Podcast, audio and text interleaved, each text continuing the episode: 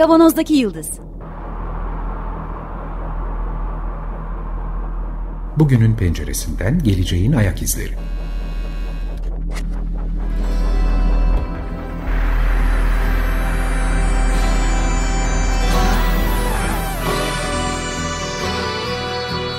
Hazırlayan ve sunanlar İsmail Başöz, Haluk Levent, Mustafa Yılmazer ve Fethiye Erbil. Zorlu Holding Sürdürülebilirlik Platformu Akıllı Hayat 2030, herkes için daha yaşanabilir bir dünya diler. Merhabalar, Açık Radyo'dayız. 95.0 Kavanoz'daki Yıldız programında sizlerle beraberiz. Geleceğin ayak izlerini sürmeye devam ediyoruz. Gerçi takıldık kaldık online hayatta. Geleceğimizi belirleyen bizim de özellikle pandemi sürecinde hayatımızın her alanına giren online e, platformları konuştuk zannediyorduk ama konuşmaya devam edeceğiz. Yeni bulgular çıkıyor. Benim çok olaydan haberim yok. Sevgili arkadaşlarım Haluk ve, ve Fethiye buradalar. Bu arada ben de İsmail. Onlar bana bir makale gönderdiler. Şu anda hayatta olmayan bir profesörün derslerini kullanarak bir online eğitim açılmış galiba. Ben de e, açıkçası pandeminin peşinde koşarken çok fazla okuyamadım. Merakla siz sevgili dinleyiciler gibi ben de merakla dinley- dinleyeceğim ve soracağım açıkçası. Sizin adınıza soracağım. Sevgili 80 milyon. Değil mi? en az en az 80 milyon. En az 80 milyon tabii. Bunun bir de Amerika'dan, Avustralya'dan dinleyenleri de var. Onları şey yapamadık, sayamadık tabii yani. O evet zaman arkadaşlar neymiş bu Reuters'daki makale?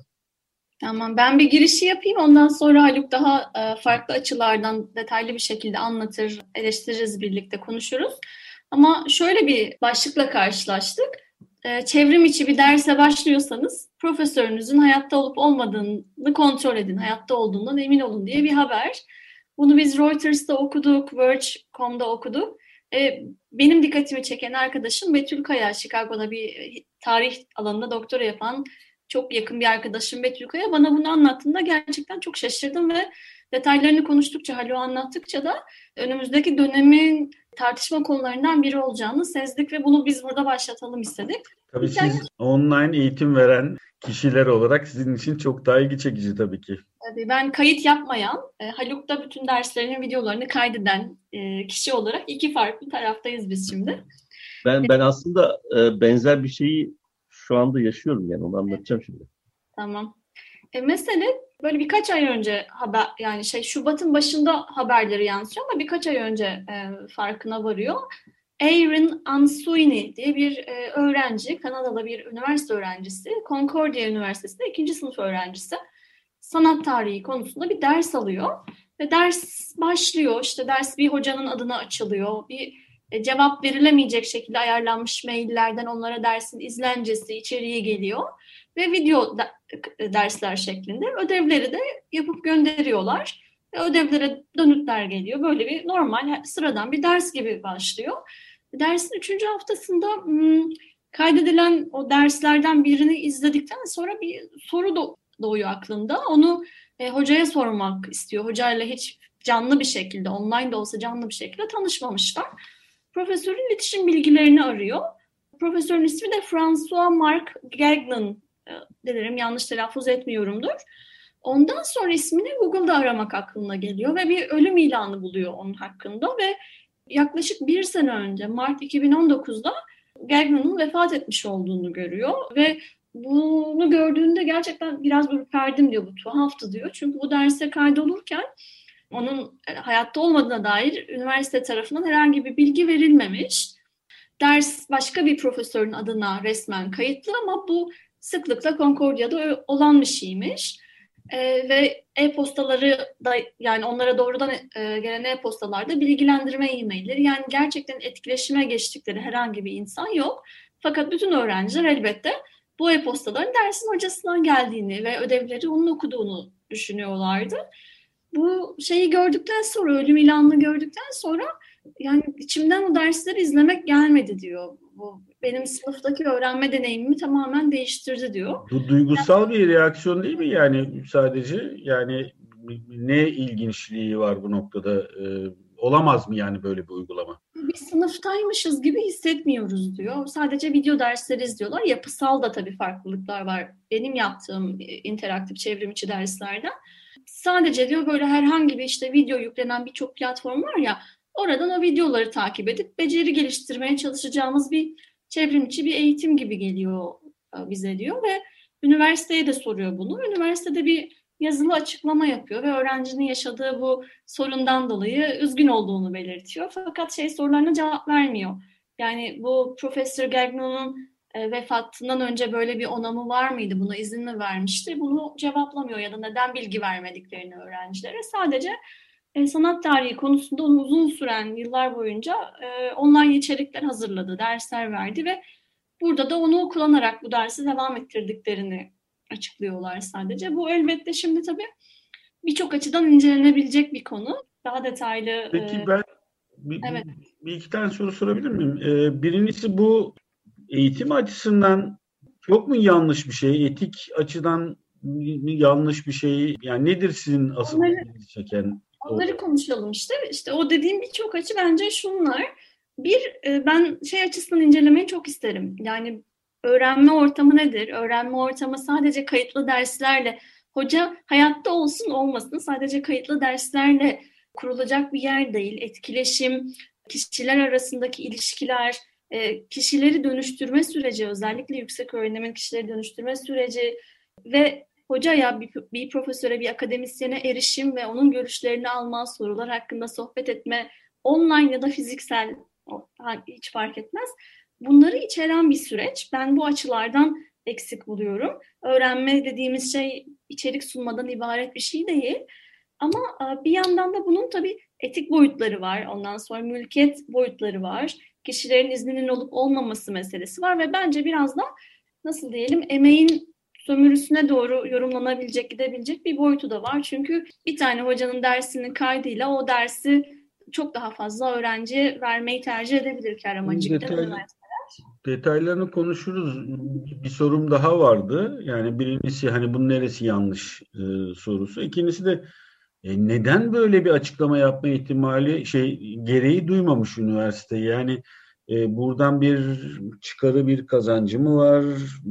Nedir? Nasıl yürüyecek bu işler? Bundan sonra da çok karşımıza çıkabileceğini söylediniz programdan önceki e, sohbetimizde. E tabi online ders veren platformda olan sizler için de gayet ilginç. Yani bunun hem üniversite tarafından açıklanmamış olması bir kötü niyet, bir çıkar sağlama durumu mu?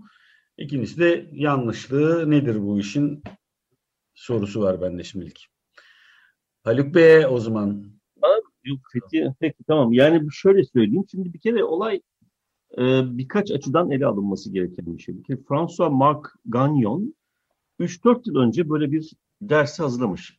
Yani online bir ortamda böyle bir ders hazırlamış ama muhtemelen senkron ve asenkron bir şekilde yani birlikte yapıyor. Yani hem bir takım videoları önden ya da sonradan seyrettiriyor öğrencilere. Sonra da bir e, online ortamda e, bir araya gelerek e, ders yapıyorlar. Bizim de şimdi benim kişisel olarak ama pek çok arkadaşımın da yaptığı şey bu. Bir dersinde mesela çeşit çeşit videolar var işte ortalıkta. Onları seyredip onlar üzerine yorum yapmalarını falan istiyorum bu videoları üretmiş olanlar baştan zaten açık erişim mantığıyla eritmişler. Çünkü şimdi dünyada giderek güçlenen böyle geniş bir şey var, e, hareket var. Yani copyleft diye adlandırıyorlar kendilerini copyright'a e, karşı. E, bu çünkü bu copyright'ın işte düşünceyi paylaşma, e, bilimsel ve işte teknolojik gelişmelerin önüne bir ket vurma, ee, dolayısıyla insan refahını ya da işte neyse bütün canlıları da belki zaman zaman kapsayacak bir refahın daha da gelişmesinin önünü e, engelleyen bir fonksiyonu olduğunu söylüyorlar. Ama bu çok sistemik bir tartışma taşıyor yanı sıra.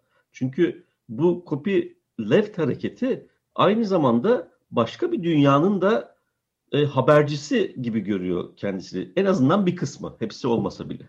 Bir saniye. Bu, bir şey bu copyleft hareketi bayağı eski bir harekettir. Benim hatırladığım 25-30 yıllık bir geçmişi var. Tam Morgül e, sevgili arkadaşımızla bayağı takip etmiştik zamanda. Özellikle düşünsel üretimlerde çok daha fazla söylemişlerdi. Ama şimdi çok özür dilerim bu arada karikatürcüler de mesela copyleft'i kabul etmeyip dava açanlar falan da oluyor ilginç bir şekilde. Bunlar ayrı tartışmalar tabii. Çünkü e, sadece copyleft, biz copyleftçiyiz kardeşim yaptığımız her şeyi paylaşırız dediğin zaman iş hedefine ulaşmıyor. Çünkü sonuç itibariyle copyright bir toplumsal ilişki ağı içerisinde anlam taşıyan bir şey. Bu toplumsal ilişki ağı içerisinde de değiş tokuş esas. Yani senin elinde bir işte senin üretimine bağlı ya da başkasına aldığın herhangi bir mal olacak. Onu satacaksın, oradan para kazanacaksın ve bu şekilde de hayatını idame ettireceksin. Ama copyleft aslında başka bir dünya tasarlıyor. Çok büyüdü çünkü dünyada gerçekten mesela R yani şu anda dünyanın en çok kullanılan istatistik programı ve en yetenekli istatistik programı baştan aşağı bir copyleft programı. Yani her şey serbest. Ve ve open şey açık. İstersen gelişim herhangi bir uzmanlığınız varsa o uzmanlık çerçevesinde bu tür programların geliştirilmesine katkıda bulunuyorsun. Yani benim derslerimin kalitesi bundan ötürü çok arttı. Daha önce konuştuk işte e, çeşitli online kitap kütüphaneler, işte makale erişim hakları şunlar bunlar var. Şimdi dolayısıyla e, bu tür engelleri aşmak açısından da bir önemli bir şey olarak gözüküyor bu copyleft hareketi ve çok da taraftar e, toplamaya başladı. Özellikle akademik dünyada. Şimdi Gagnon'da böyle bir şey var. Herkese açık bir ders olarak tasarlanmış e, ve e, bu şekilde verilmeye başlanmış. Fakat burada bir de şöyle bir şey var. Yani iki dünyanın çatışmasını da burada görüyoruz aslında bu olayda. İşte bir dediğim gibi bir de copyright var. Çünkü üniversiteler özellikle bu online eğitimle beraber çok süratle online materyal her yerde ve her dilde ve her biçimde üretilmeye başlandığı için bu online materyalin üretilebildiği platformların sahipleri de üniversiteler. Bir şey soracağım. Şimdi profesör bunu copyleft olarak hazırlamış. Yok. Yani onu onu bilemiyoruz. Bilemiyoruz. Ha, tamam. Yoksa üniversitenin bunu e, öyle ya da böyle maddi çıkar karşında kullanıyor olması söz konusu ama bilmiyoruz. Yani, tamam. Üniversiteyle o hoca arasında ne olup bittiğini bilmiyoruz. Ama tamam. E, bu dersin hazırlandığı zaman bu tür e, bu somutlukta bir tartışma yapabilecek ortam yoktu büyük ihtimalle zaten. Bu online ile beraber bu iş çok provoke olmuş oldu. Yani bir düzenleme büyük ihtimalle bunun arkasından gelecektir. Çünkü şöyle çok önemli e, nüanslar var. Bu üniversitenin sahip olduğu platformda şimdi üniversiteler mesela bize yazı geliyor, başkalarına da yazı geliyor. Üniversitelerde bunu bilerek mi yapıyorlar, bilmeden mi yapıyorlar bilmiyorum ama e, bu yazılarda diyorlar ki yani büyük ihtimal teknik nedenlerde de olabilir. Hani daha kontrol ve işte hand şey yönetmek kolay olduğu için de olabilir. Bizim kullandığımız, tercih ettiğimiz platformda üretin materyallerinizi ve yapın derslerinizi diyorlar mesela. Bunun ama bu olayda gördük ki eğer üniversitenin platformunda bu materyalleri üretirsen o zaman copyright'ı üniversiteye devretmiş oluyorsun. Eğer başka bir ortamda third party bir program kullanarak dışarıda bir şey üretip buraya yüklersen, bu platforma yüklersen üniversitenin o copyright'ı alması için seninle ekstra bir sözleşme imzalaması gerekiyor. Şimdi bunlar böyle önem taşımaya başlıyor. Bu olayda mesela bu var. Üniversitenin platformunda işte Blackboard diye e, bilinen bir platform var. Çok yaygın platformlardan bir tanesi. E, orada üretilmiş her şey falan filan. Sonuçta Gagnon vefat edince büyük ihtimalle işte üniversite birini görevlendiriyor ama bu görevlendirdiği kişi sonuçta bir e, asistan, teaching asistan diye bilinen işte bu yardımcı asistandan bir tanesi, öğretime yardımcı asistandan bir tanesi. Öğrencilere haber vermiyor. Dolayısıyla bu da bambaşka ve apayrı bir tartışma, güzel bir tartışma alanı açıyor. Yani o zaman bunu bir avatarla da yapabilirsin. Teknoloji yeteri kadar gelişti ki yani hemen hemen kıyısında bunun e, interaktif yapabilirsin. Avatarla yapmanın ne sakıncası var? E işte onlara geleceğiz. İnteraktif de yapabilir üniversite bunu. Yani sonuç itibariyle çünkü her curriculum, her ders tasarımı bir akış veriyor. Bir akış tasarlıyorsun. Bu işte imitasyonu mümkün çok kolay olmayan bir şey. Ama böyle bir akış bir kere tanımlandıktan sonra o akışla eğitim öğretim faaliyetinin sürdürülmesi teknolojinin yarattığı imkanlarla bizim bugünden çok böyle tahmin edemeyeceğimiz rahatsız edici boyutlara ulaşabilir. Ee, şeyi örneklendirmek istiyordum ben şimdi bu canlı derslere aşina olmayan dinleyicilerimiz için. Bu üniversitenin kullandığı platforma yüklemekte yüklerken üniversite senin işte copyright'ına sahip oluyor o dersin içeriğinin ama başka bir yerde üretip sen yüklersen sen sahip oluyorsun bu ayrıma. Mesela e, Boğaziçi Üniversitesi'nin kullandığı Panopto ve Moodle diye iki tane platform var. Panopto daha video kaydı için, Moodle e, depolama ve paylaşma için. Şöyle diyelim mesela ben bir dersin bazı içeriklerini video şeklinde çektim ve Panopto'yu kullanarak Moodle'a yükledim. Bu Boğaziçi Üniversitesi'nin malı. Diyelim sen bilgide çalışıyorsun Vakıf Üniversitesi, o Vakıf Üniversitesi'nin malı. E, ve önümüzdeki sene ben o dersi ben vermiyorken ya da ben o kurumda çalışmıyorken o içerikleri herhangi bir şekilde kullanma hakkı üniversitenin ya da o vakfın ya da o şirketin oluyor.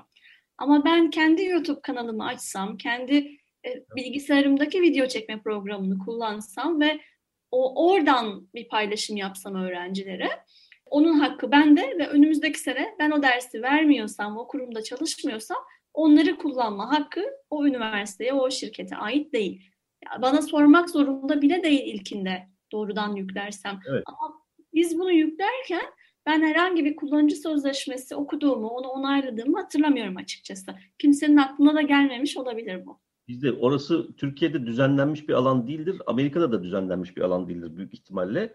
Belki bu konuda ön, ön görülü bazı üniversiteler özel sözleşmeler imzalatmış olabilirler. Yani bu böyle bir ortamdayız. Böyle bir ortamda olunca bu çok irite ediyor insanları tabii. Haklı olarak. Yani e, işte bana bir sürü şey ürettirip sonra da acaba e, ben yüksek maaşlı geliyorsam mesela ne bileyim çok daha düşük maaşa bu dersi yürütebilecek ama benim materyalimi artık onların olmuş benim materyali kullanarak yürütebilecek bir şey mi yaratıyorum ben diye diyor. Eğer böyleyse bunun fiyatlamasının farklı yapılması lazım. Yani o maaşın içerisindeki bir nedir olağan faaliyetin sonucu ortaya çıkmış bir ürün değil. Çünkü bu düzen yani e, nedir üretim araçları üzerinde özel mülkiyetin söz konusu olduğu ve bundan ötürü de copyright'ın çok önemli bir aset haline dönüştüğü, bir varlık haline dönüştüğü bir düzenden bahsediyoruz. E, o zaman burada bu varlığı üreten herkesi aynı ölçüde koruyan bir hukuki düzenleme olmaz ise e, bir el koyma faaliyeti oluşuyor. Bu copyleft'in fa- tamamen farklı bir dünyada yaşıyor olması işte bu ortamda böyle bir yeni alan açmak, işte gelecekte farklı koşullarda çalışabilecek bir toplumun bugünden bir nüvesinin gösterilmesini sağlamak gibi e, işlevleri var. Bir kez daha söylüyorum, copyleft'in içerisindeki herkes bu şekilde düşünmüyor olabilir. Bu benim yorumum çünkü. Burada şöyle bir bakış açısıyla girmek istiyorum. Eğer sen mesela bir program hazırladın ve bunu aslında böyle copyright olarak saklamak değil, aslında herkesin kullanılmasına, kullanmasına açmak istiyorsun. Çok da erdemli bir davranışta bulunduğun için tebrik ediyorum tabii seni. E, diyelim ki böyle bir hayal içindesin. E, e tamam o zaman yani üniversitede alsın kullansın diyemeyiz. E, çünkü üniversite bu noktada burayı bir hani para karşılığında aslında kullanmış oluyor. Yani o dersi verdiği öğrencilerden bir çıkarı var genellikle özel üniversitelerden bahsediyoruz bunu yaparken. Devlet üniversitesinin de bunu yapma şansı yok. E, yapmaması gerekiyor. E, senin iznin haricinde yani söylemeye çalıştım. Yani şunu yapabilirsin ve ben hayatım boyunca öldükten sonra da insanlar beni görsünler işte bu derslerimi kullansınlar. Bu ayrı bir tercih ama bunun dışında hiç kimse senin herhangi bir maddi çıkar gözetmek için hazırladığın dersi kendi maddi çıkarlar için kullanmaması gerekiyor. Öyle ya da böyle. Buradaki terslik bu gibi geliyor bana şu anda zaten. Evet ama yani bir kez daha altını çiziyorum. Bu ders ücretsiz herkese açık bir ders. Ama böyle olmayabilirdi. Yani bu olay özelinde böyle ama böyle olması şart değil. Yani bu gayet parayla kaydedilen işte herhangi bir işte bir, bütün öğrencilerin bu dersten edilen e, bu derste verilen bilgileri edinebilmek için para ödemek zorunda oldukları bir ders de olabilir. Muhtemelen de oluyordur. Bir başka örnek daha var mesela. Yine bu röportajda e, zikrediliyor. Eindhoven Teknik Üniversitesi, Teknoloji Üniversitesi'nde de çok işte bir hoca vefat ediyor. O da böyle bu tür hazırlıkları olan falan bir hoca. o hocanın anısına böyle bir ders, o materyalleri ders haline getiriyorlar ve çok duygusal bir ortamda bir sömestr boyunca insanlar o derse gidiyorlar, geliyorlar falan filan. Şimdi böyle bir şey de var. Yani bunun tabii bizim program açısından enteresan olan tarafı gerçekten interaktif ders olabilecek tool'lar var artık. Bu tool'lar yeteri kadar gelişirlerse öğrenci karşısında hakikaten yaşayan birisi var mı yok mu onun bir zaman ayırdığına varmadan bir tamamen bir eğitim süreci e, yaşayabilir.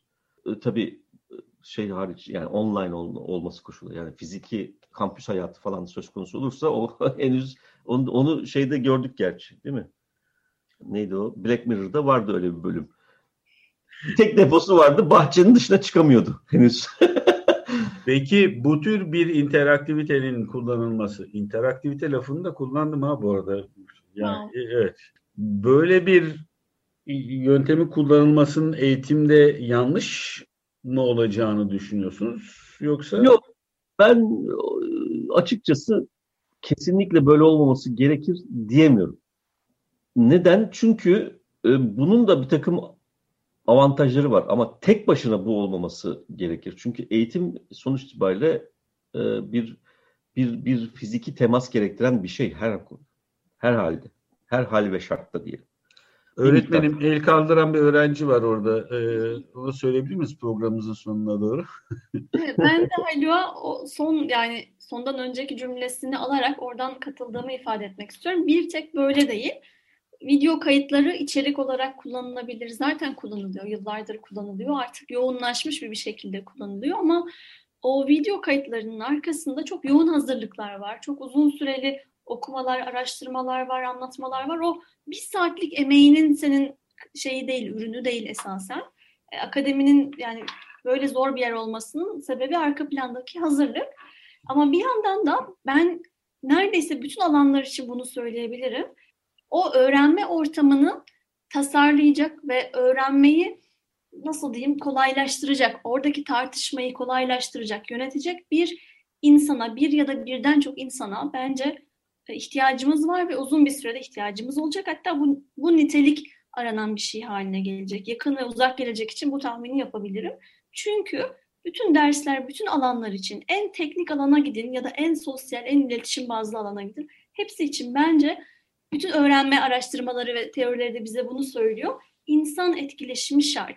Bu insan etkileşiminden kastımız bir tane bilgiyi bilen uzman kişinin o bilgiyi aktardığı sırasın, aktardığı esnada gerçekleşen tek taraflı iletişim etkileşim değil. O diğer öğrenenlerin kendi aralarında yaptıkları sohbet, sorular, düşünmesi, birinin bir cümleyi tamamlaması, birinin anlamadığı bir şeyi bir başkasına sorması, özetletmesi hem de öğreten kişi de dönüşüyor ve her sınıfta farklı bir öğrenme gerçekleşiyor. Ben aynı dersi aynı anda 2-3 farklı sınıfa veriyorum ve hepsinde bambaşka anlatıyorum. Hepsinde bambaşka şekilde öğrenmeler gerçekleşiyor. Bu bizim standartize edeceğimiz bir şey değil. Etmemeliyiz bence ama elbette e, iki tarafın onamı, bilgisi olması dahilinde video kayıtları kullanılabilir, paylaşılabilir. Buna karşı bir şeyim yok ama etkileşimi e, öğrenmenin içinden çıkarırsak gerçekten çok çok çok eksik bırakmış oluruz diye özetlemek isterim bunu. Her yeni çıkan süreçler yeni imkanlar ve yeni çelişkiler yaratıyor sonucunda. Ee, biz eski dilimizi de değiştirmek zorunda kalacağız tabii ki bu süreçlere. Bunlara da hep beraber açık olmamız gerekiyor inanmıyorsan. Belki kimi zaman hologram kullanarak, avatar kullanarak, belki gerçekten o etkileşimi hiçbir insanın katkısı olmadan, yani katkısı olmadan derken aktif olarak o interaktif etkileşime girmeden de yaratılabilecek interaktif e, eğitimler olabilecek. Bunu daha önce hiç deneyimlemedik. Pandemi sayesinde çok hızlanan bir süreçte bunları deneyimliyoruz ve doğal olarak da yeni imkanlar ve yeni çelişkiler e, hep beraber gelecek karşımıza. Herhalde herkesin buna göre pozisyon alması gerekecek. Ama yine de şey değişmiyor. Çıkar sağlamak için emeğin sömürülmesine karşı elbette pozisyon almak gerekiyor. Evet, bir- şey daha söyleyeyim. Türkiye'yi ele alacak olursak, e, işte geçenlerde bir haber e, düştü. Hatta bugün ben gördüm de yani bir iki gün önce düşmüş olması lazım. Türkiye'de tez yazma işiyle uğraşan 400 tane şirket varmış. 400. Ve bir hesaplamışlar işte birisi bunu bayağı iş edinmiş, araştırmış. Türkiye'de yazılan yüksek lisans ve doktora tezlerinin üçte biri bu şirketler tarafından üretilmiş tezler. Akademik hayata özel sektörün katkısı hocam. Evet.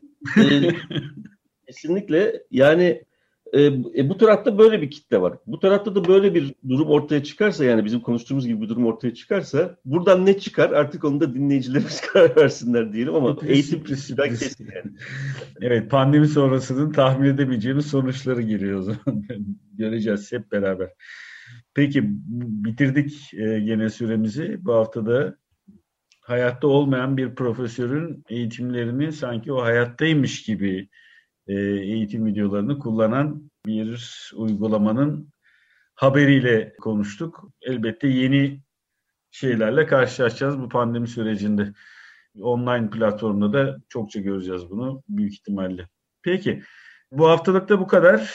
Bu programın size ulaşmasını sağlayan bütün Açık Radyo çalışan arkadaşlara can gönülden teşekkürlerimizi borç biliriz. Her hafta olduğu gibi. Program destekçimize de çok teşekkür ediyoruz. Önümüzdeki hafta görüşmek üzere. Sağlıklı kalın. Hoşçakalın. Hoşçakalın.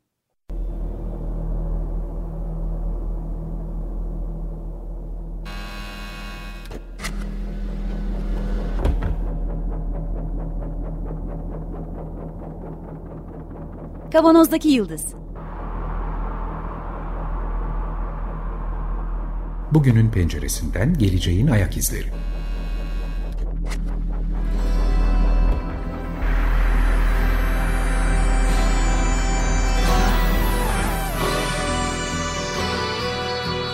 Hazırlayan ve sunanlar İsmail Başöz, Haluk Levent, Mustafa Yılmazer ve Fethiye Erbil. Zorlu Holding Sürdürülebilirlik Platformu Akıllı Hayat 2030 sundu.